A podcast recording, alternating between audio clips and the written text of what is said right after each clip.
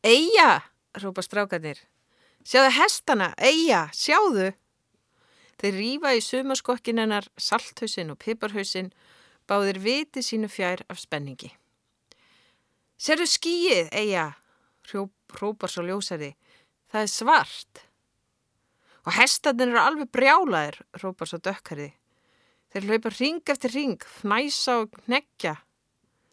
Hann hlýtur eiga afa í sveit, þessi, kvartlar að henni, þegar hún stormar út í gluggan og já, mikið rétt.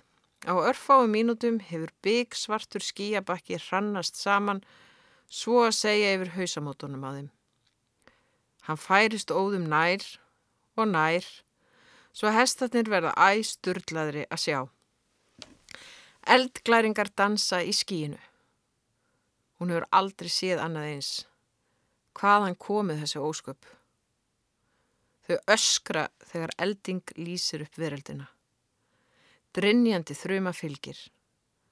Þau öskra aftur. Komið þið, hrópar hún. Hvert, hrópar smástrákarnir, hrættir en um leið uppnumdir yfir hættunni. Hún skimar í kringu sig. Já, hvert? Þau eru inni en þetta er lítill timpukofi út á berutúni í skógi. Eldingu getur lostið í hann á næsta augnabliki eða hvað. Hún hefur ekki hundsvit á eldingum, man ekki einu svona eftir því að hafa sér eldingu á Íslandi, í besta falli þegar hún var smákrakki í Englandi. Hvað gerir fólk í eldingum? Ringir á hjálp? Nei, þú mátt ekki snerta síman, rópar ljósaristrákurinn Enda við því að búast að barn sem á vestfyrska útvistarkempu fyrir móður viti ímislegt um hamagangin í náttúrinni. Önnur elding spænir upp túnið og í þetta sinn öskrar hún einn. Strákarnir eru strax byrjaðar að jafna sig og líkt hestónum í gerðinu sem nötra með störtlað augnaráð. Hún getur ekkert gert til að hjálpa þeim. Það eina sem hún getur gert er að stjaka skríkjandi strákonum undir rúm þar sem þau tróðast hvert um annað meðan þeir skiptast og uppdyktuð um hryllingsögum um eldingar en hún lokar augunum farin að þrá dauðan til að hætta að óttast hann. Mínúturnar sílast áfram meðan hún býðu þess að eiliðin verði algjör. Þá heyrast öðruvísu drunur myndarlegt vélarhljóð í mínibús sem nálgast svo hratt að hún skrönglast undan rúmunu og vogar sér að lifta íkæða glukkatjaldinu til að kíkja út í óveðrið. Viti menn, hver kemur þarna askvaðandi í gegnum eldingarnar, hundaskýt sama þó að það er sleikja á henni hverfilinn. Ögnablikki síðar stendur Rúna í dyragættinni með glæringarnar í bakgrunni þegar hún spyr hver vil ég koma með sér í sund. Undirtæktirnar eru dræmar. Strákatinn heka, þeir líta hvora á annan og tafsa að þeir hafi ymmit verið á leiðinni að taka upp úr töskunum sínum. En Rúna hefur ekki áhuga á þeim. Ögnaráðið beinist að eigu. Starandi, beinskeitt, spyrjandi. Er hún til í smá sundsprett. Eia þeir, svitnar, horfir á hina. Hvað í óskupunum á hún að segja? Manneskjan hlýtur að vita að það er alveg krúsjálregla, nummer 1, 2 og 3 í viðbragsáallunum í þrjumiveðri að æða ekki út í stöðuvatn. Fyrst hún veit þetta, hlýtur hinn að vita það. Bara hlýtur. Rúna rekur upp hlátursróku. Síðan klappur hún eigi á kollin með þeim orðum að hún fari þá bara einn. Þrýfur sundfött upp úr töskunni, lítur aftur á hana og segir Þetta er spurning um að duga eða drepast, elskan. Hvað, steinur eiga? Látt ekki eins og álka í miðju heilablóðfalli, byður Rúna. Ef þú ætlar að skrifa bók. Ef. Hún andvarpar óþólimóð og vippar sér úr fötunum, Nakin þegar hún setur hendur á mjadmir og ótar kviðnum fram með þeim orðum að hún hljóti að skilja að það sé annarkvort eða. Allt þar á milli sé reynast að fá sinna. Spítóbólurinn verðist límast á vöðvastæltan líkamann þegar hún tósar hann upp um sig, síðan tegjur hún arman upp í loftið, beigir sér í njánum svo rassinn sleikir hælana og færir hendurnar aftur í bænastöðu. Rís upp og endur tekur hreyfinguna þris var sinnum áður en hún segir Ég var líka einu sinni gift vittlusum kalli. Þar með er hún horfin út í veðrið. Eftir sittur eiga og veldi fyrir sér hvort Rúna hafi verið gift heimskum kalli eða bara ranga aðilanum. Sennilega bæði. Hún kippist við þegar eldingu lístur niður að því er virðist við hælana á sundkempunni. En kvorki eldingin nýja snjóhögl á starfið súperbolta fá haka hári á höfði hennar sem arkar niður á vatninu, útskeif og hnarreist. Tegir hendurnar upp í loftið, andar svörtu skíinu ofan í lungun. Heldur áfram ferðsinni, hratt og öruglega. Stígur út í vatnið, hverfur ofan í það. Smástrákarnir vegruðu sér við að segja sjálfsmorð í bytni, svo hún horfir einn á aðfarinnar, býður eftir katastrófunni. Ekkert gerist. Rúna svamlar þarna, haus í grári, ólgandi víðáttu. Rísiðan upp úr vatninu og hverfur inn í sánuna. Smám saman lægir veðrið. Hestarnir snugga hver að öðrum. Mýi fyrir að kreik, suðar í fersku loftinu, sest á döggvotan gróðurinn. Vatnasnákarnir ringa sér í tæru vatni, veröldin sem ný. Umskipti Þrettan árum síðar á hún eftir að minnast sundafreiks rúnu þegar veröldin verður aftur ný, svipa því að guðurnir hafi komið rispari vínilplötu fyrir í heilabúinu. Hún er þá stött í austurhluta Þískalands með framtíðareimanni sínum og tveim elskulegum profesorum. Öðrum þískum spesialista í íslensku, hinnum ítölskum spesialista í norrænum miðaldabókmyndum. Þau gera sér dagamun í strandbæ við Eirarsaltið, skamtur á háskólabæ sem hún hefur áður heimsótt til að taka þátt í stefnumóti ungra evróskra skálda. Þarna borðu þau stegtan fisk og drekka bjór því hún veit ekki ennþá að í kviðnum kúri líf. Frekar en tveimtugum síðar þegar þær skáldkonan mæla sér mót í Berlín. En hana grunar að eitthvað nýtt sé vandum líkt og þá. Meðan hins svamla í sjónum sittur ítalski profesorinn 500 metra frá þeim örugur í strandstól undir hænekangrænni sólhlýf og gætir þess að fá ekki sandofun í mokkasíðunar þegar hann hristir þurr skelljakorn af flauelsbuksunum. Henni finnst hann ekki ósvipaður Pavarotti, svart skeggjaður með kólamóla í augnastað og vassfælinn, þá engum á séri í nágrenni við þá heljarinnar höfuðskeppnu hafið viðkendan fyrir um daginn á korri ettri þísku með sterkum ítölskum hreim. Röttin nötraði lítilega, líkt og hitin hefði skindilega farið niður um 30 gráður. Og hún lánaði honum dauðan í fenegjum á íslensku þegar hann sagðist aðeins að lesið eina samtíma skáldsögu, Odyssey eftir James Joyce. Hann klukka nú í snjáða rauða kiljuna og verðist ganga ágætla að stauta sig í gegnum hana meðan hún veður sjóin upp að læri. Hítin er við það að kveiki himninum og þýska prófessornum verður tíðrætt um loftlagsbreytingar en það árið 2000 og eitthvað.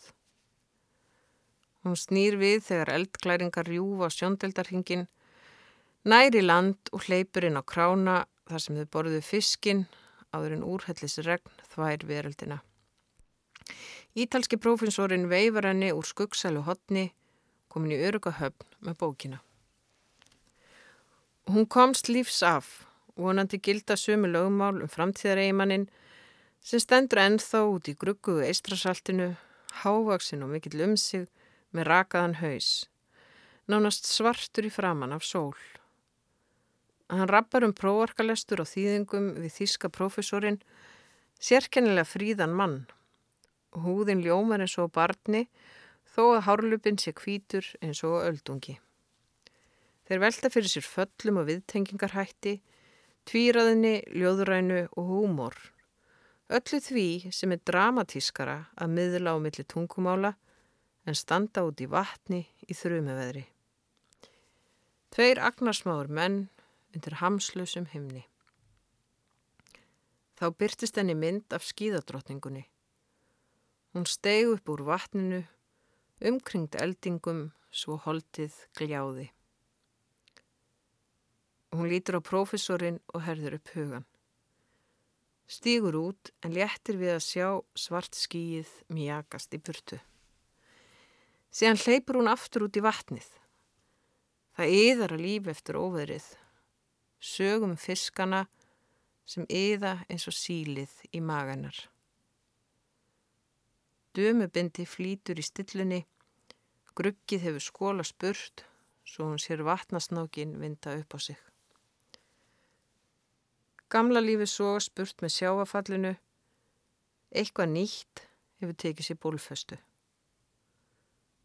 Hún má ekki vera hrætt, allra síst við höfuð skeppnurnar fjórar, náttúruna í sjálfur í sér. Nú er að döga eða drepast. Breiðafjörðarílskan, lifandi dæmi. Kanski tekst er að skrifa bók, en ég byrð nú ekki í það ef þú eknast einhver tíma bann. Eitthvað á þá leið hljómar morgunkveðjan þegar líður á fyrstu viku reythöfundaferilsins. Skíðadrottningin hefur sikvað til síns máls því ef öll sköpun er hugrekki þá óar eigu við að eignast barn á svipaðanhátt og mömmunar óar við að skrifa. Rúna kerri sér kollóta um dýbri merkingu eigin orða þegar hún stjakar eigu burt frá eldusvaskinum með snöggum en öflugum mjadmannhygg. Síðustu dagar hafa liðast áfram í hitanum og ákvöðum tilraunum til að kenna eigu réttu handtökin við heimilistörfin. En sumum er vist ekki hægt að kenna eitt án þess þeir klúður öðru og nú sullar stelpan vatni út um allt eldhús. Morgunsólinn lýsur upp skínandi reynd lertögið en óreint vatn flýtur yfir út á borplötuna og drýpur á gólfið. Rúna vindur tusk upp úr hreinu vatni og þrýfur borðið í snarheitum.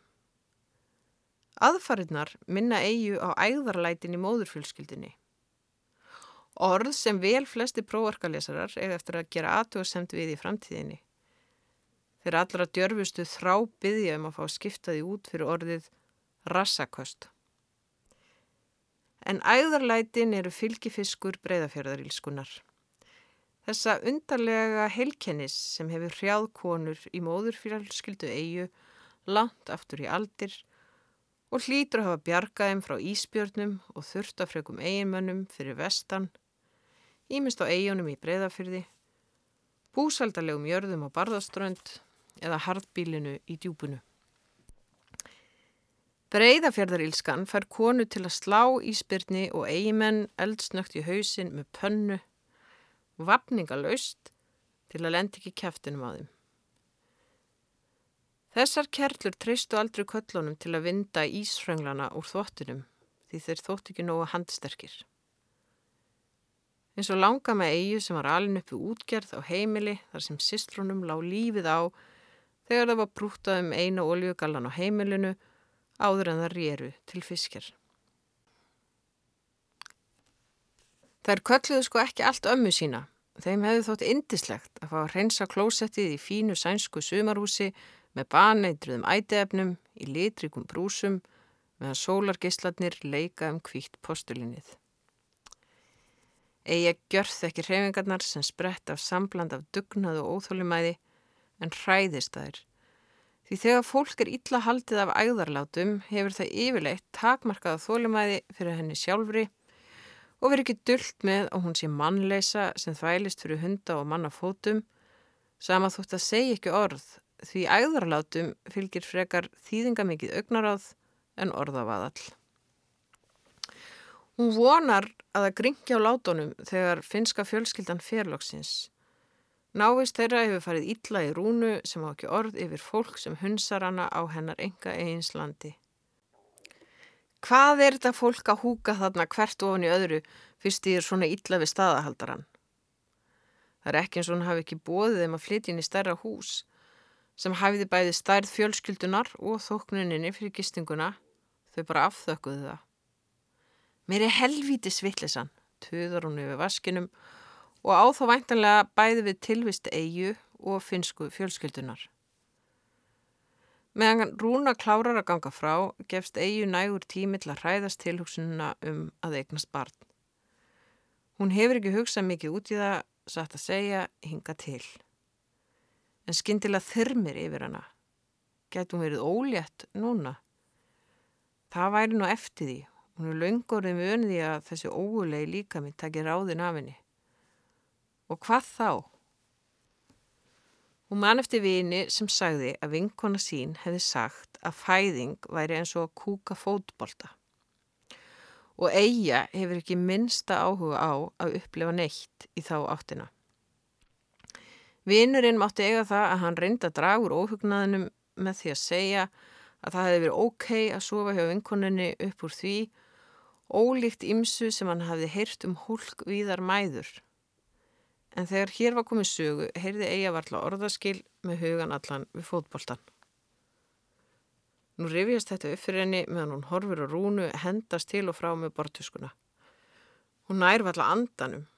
Af hverju þarf hún að vera kona? Og af hverju er hún komin alla leið í sænska sveit í endurhæfingu þegar life coachin er svo dindóttir í skapinu að hún er byggð upp einastundina til þess að brotna í mél þá næstu. Samt hún finnur mun á sér. Sólin vekur hann á modnana og í morgun vaknaði hún þess að finna fyrir óta. Í fyrsta skipti sé hann löngu fyrir snjóflóðið. Hún fann meira að segja fyrir fyrringi í maganum án þess að mikið sem leiða hugan að garra hann. Hún settist við skrippvorðið með niðurskorið eppli og glemti sér við skriftir þanga til rún og öslað inn og spurði hvort hún var í lögst í kör. Þá skauðst hann upp í höfuð hennar, svo nagaði sér handarbökin að hafa ekki hugsað til hans fyrr, skapi næst að brenna upphandlegin með síkaretustupi, eins og alltaf þegar hún myndi hvernig hún hafði svikið alla. Hún er að ringi í hann við fyrsta tækifæri og segja honum að hann margborgaði sig að vakna mótnana þó að maður þyrti ekki að fara í fristúsið. Þá liði honum betur. Kanski geta hann hægt að drekka og þau lifað eins og venjuleg hjón. Rúna er ekki fyrr búin að hengja tuskutna til þerris en hún æðir út í óljósum erindagjörðum með þeim orðum að eigi sér hotlast að læra að nota stálull ef hún ætlaði sér að eignast fjölskyldu eitt daginn. En eigi á fjölskyldu. Hún nýti strax færið til að ringja í fjölskyldu sína. Tipplar út á solpallin með hamrandi hjartslátt. Slæri inn 00354. Garrin má eiga það að hann er aldrei með æðurlæti. En um leið og hann svarar sér hún eftir að hafa ringt. Nú, er þetta bara þú, segir hann. Ný vaknaður á vanda en vandar sér þó við að dylja ákafan. Já, segir hún ákveðin.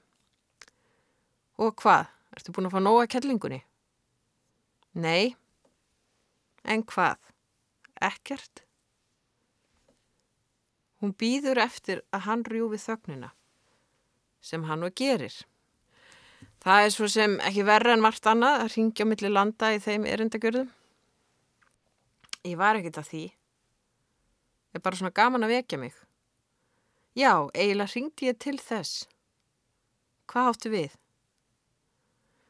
Hún andvarpar og útskýrir einlæg að nú vakna hún alltaf snemma og sé bara strax steinhægt að vakna með kvíða. Það sé allt öðruvís að vakna snemma en maður þurfi ekki að fara í fristúsið. Hann ætti bara að prófa. Þú ert saga til næsta bæjar, gespar hann. Við lætu korra í hláturinum. Allt mitt líf hef ég vaknað á óguðlegum tíma, löngu á undan öðru fólki. Fyrir nú utan að þú er búin að vera þannig hvað? Þrjá daga? Næstum fjóra, held ég. Ertu full? Reyði óp frelsarana undan skilningsvana röttinni í Keflavík. Ég verða að fara, kvíslar hún og skellir á. Rúna snýst um sjálfa sig á malarstygnum fyrir framann sumarhúsin. Sólskignin setur skakt á haustnum og vísar aftur. Líkast því að hún sé bæði með augu í andliti og nakka. Nokkuð sem hana vantar átakanlega í ljósi nýliðina atburða sem hafa auðþyrilega átt sér stað í skjóli nætur. Hvernig er hægt að ætlas til að staðarhaldari séu glóru um miðjanótt þó að nóttin sé dagbjörnt þarna fyrir norðan alla síðmenningu Því allt normalt fólk sefur á nætunar. Græsku laust anspannis fláraðu innræti finskara smáborgara sem pranga sér inn á heðverða Íslendinga undir sögða gæru vísitölu kjarnar fjölskyldunar eins og hún gerist mest óspennandi hérna út í Skandinavíu. Hraunar rúna út úr sér með djúpum nefnsögum svo nasinnar herpast inn í fuggslegt nefið. Hvað? Nú? Það er nú bara þannig í pottin búið að finnarnir eru farnir á veg allra veraldar. Laumuðu spurt í morgunsárið með allt sitt drasl, börnin og hundin sem aldrei þessu vant þagði. En voruð ekki búin að borga? Nefnilega ekki. Eitthvað. En ekki næri því alla nætunar. Hjónin borguðu fyrir þetta tveggjamanna hús sem þau höfðu búrast hellengi í áður en þar komu svo hún þurfti að standi því að rukka þau fyrir hýna þrjá fjölskyldumæðlimina. En með því að lauma svona burt á hans að borga fyrir síðustu næturnar, þá jafnast þetta nokkur veginn þannig að þau borga bara fyrir tveggjamanna hús eftir sem áður. Kanski hjælt fólkið að væri búið að borga allt, giskar ég að. Hún leiði sér meira þess að giska á að þetta geti mögulega stafað af tungumála meðskilningi en sér samstöndis eftir því Rúna fyrir ekki dullt með fyrirlitninguna þegar hún hristur hausin. Síðan stormur hún inn í hús að ringja á laurugluna, reik spúandi eins og mínimisbúsin. Sænska laurugluembættið skal sko fá að heyra allt um hvernig norræna samstarfið gerist á eirinni upp til sveita hérna út í nóver og raskati. Hlutverk Hún ætlaði aldrei að verða drópateljari ráðsett eiginkona að fylgjast með förðum eigimannsins eins og einhver leiðinda kettling. Hún ætlaði sér heldur ekki að eiga börn með honum. Þetta var í fyrsta skipti sem það kvartlaði að henni að hún gæti verið ólétt og óttið var raunverulegur þó að það hefði þurft kraftaverk til. En óttið var líka nýr. Áður en hún fór til Svíþjóðar hefði hún fagnaði að fá félagskap bars inn í heimilislífið. Hún var orðin einmana, strax nokkrum vikum eftir að sambandið hófst í félagsheimilinu á gamlárskvöld þegar allir sungu Húða fökkis Alis, rúmum tvei mánuðum eftir snjóflóðið. Hann satt út í hodni með flöska kaftin morgan inn á sér og böðinni sopa þegar hún settist hjá honum. Skömmun síðar ölduðu út í nóttina að bakið þeim nötraðu húsið þegar þorpsbúar stöppuði gólfið og hrópuðu reyðilega Who the fuck is Alice? Þegar hún ætlaði að fara dæn eftir grátt baðan hana um að vera. Annars, já, annars væri allt búið. Síðan þá hafði hún oft ætlað að fara en aldrei komist lengra en að útidir honum sama hvar þau áttu heima. Hún gati ekki farið. Hún varð að bjarga kettlingunum. Hún var að býða til að vita hvort hann var í lifandi. Hún gati ekki farið, þá væri hún seg. Hún þóldi ekkert eins illa og sektina. Meðan þau voru fyrir vestan gata nokkund veginn haldið sér gangandi. Mætti beitningaskúrin sextaða vikunar og fór í sparu skóna að kvöldið sjötta þegar fólk fjölmendi á barinn. Á sunnudögum nautum þess að búa með manni sem hann til í að hlusta á sama geisladiskin með Caruso, fimm sinnum í röð um leið og hann kendinni að drýja píputópakið með gamlum síkarettustupum. Þau sögðu sig úr lögum við umheiminn þegar þeim syndist og skiptu Caruso út fyrir Beethoven í botni eða jafnvel trúbrott. Svo hún rósaði happi að hafa loksins hitt mannesku sem var ekkert að æsa sig á óþörfu yfir öllum þessum tittlinga skít sem fólk ímyndaði sér að þurft að gera á hverjum degi. Tilhugsunin einum að gera skattskíslu fekk garran til að hlæja og þar með var hún líka stikkfrí. Svo fremi hún lítu undan þegar hann fekk sér hjartastyrkjandi. Meðan annað fólk lág yfir skattframtalinu horfðu þau á Bad Boy Bobby og ákvaða á endanum að kaupa hana af sjópauðandanum. Því Garrin gæti ekki til þess hugsa að einhver annar en hann eitt upp videoteipinu af snildaverkinu. Stundu fóra hann á skak með kaffi í blákablóttum brúsa og bauð eiginkoninni með svo hann geti ringt heim í móðurhúsin og monta sig að því að nýbakaður eiginmadurinn ætti hlut í trillu gargandi mávar, freyðandi öldur, ilmur af seltu. Uppaflega fór hún í beitningaskúrin til að ná sér í uppgrip með fristuhúsavinnunni, vongoð um að geta með tímanum smokra sér á flæðilínunni og orðið eigin herra í beitningaskúrnum. Og þar var hann kongurinn. Yfir forsetanum og kútternum og kverkanum og hvað þeir nú héttu allir saman prinsarnir í beitningunni. Allavega var hann kongurinn þennan vetur eða það sem eftirlifið af honum. Hún vissi ekki hver hefði staði vaktina fyrir flóðið.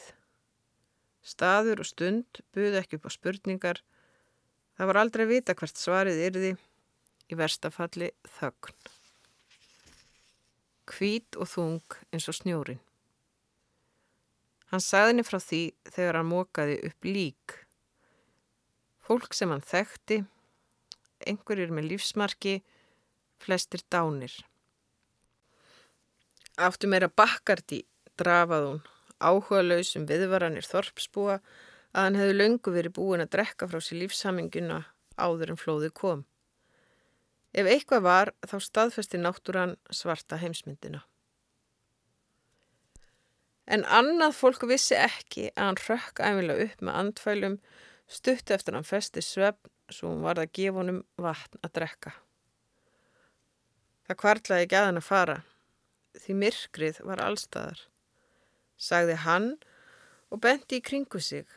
Skuggan af fjöllunum lagði við sjóin, það var hverki undankomi leið.